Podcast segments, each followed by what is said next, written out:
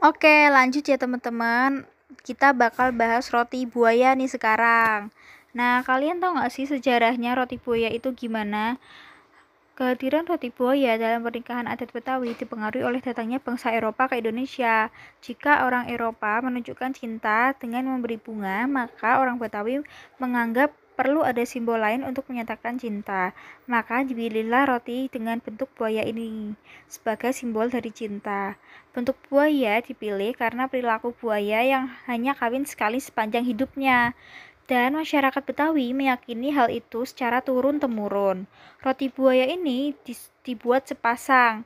Yang betina ditandai dengan roti buaya kecil yang diletakkan di atas punggungnya atau di samping. Nah, makanya uh, adalah maknanya adalah kesetiaan berumah tangga sampai beranak cucu. Awal dibuat roti buaya dibuat dengan tekstur yang keras dan sengaja dibiarkan sampai membusuk.